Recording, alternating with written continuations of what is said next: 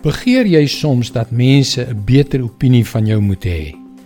Daardie begeerte om net 'n bietjie meer erkenning te kry vir wie jy is en alles wat jy bereik het.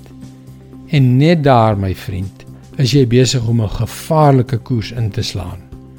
Hallo, ek is Jockey Gouchee vir Bernie Diamond en welkom weer by Vars. Ek dink nie daar bestaan iets soos 'n klein bietjie trots nie. Trots het 'n snaakse manier om vinnig te vermenigvuldig. Voor jy jouself kan kry, groei daardie begeerte om 'n klein bietjie erkenning te kry tot 'n onversadigbare begeerte na erkenning. Ons begin dink dat ons geregtig is daarop, maar ons word uiteindelik daardeur verteer. Nee, ek dink nie daar bestaan iets soos 'n klein bietjie trots nie. Die eerste eeuse kerk in Korinte was vol twis. Hulle is aangevuur deur trots en hulle reg op erkenning. Daarom het die apostel Paulus vir hulle 'n streng brief geskryf. Hier is wat hy gesê het oor daardie klein bietjie trots in 1 Korintiërs 5 vers 6 en 7. Julle selfverheffing is nie mooi nie.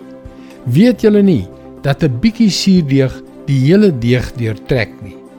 Verwyder dan die ou suurdeeg sodat julle nuwe ongesuurde deeg kan wees. En dit is julle ook werklik. Ons paaslam is immers geslag. Dit is Christus. Wat 'n wonderlike prentjie.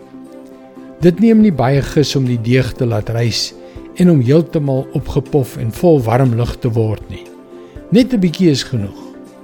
Nou ja, wat is die antwoord?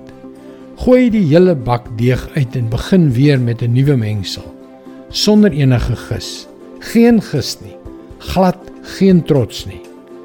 Daar is geen plek vir 'n klein bietjie trots in die lewe van iemand wat Jesus wil volg nie. Geen plek nie. Gooi die trots uit. Begin weer.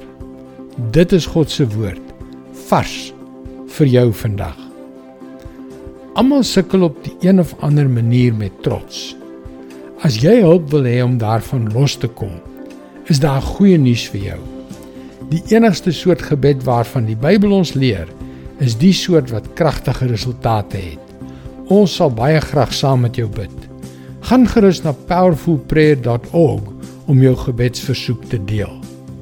Mooi loop en luister weer môre na jou gunstelingstasie.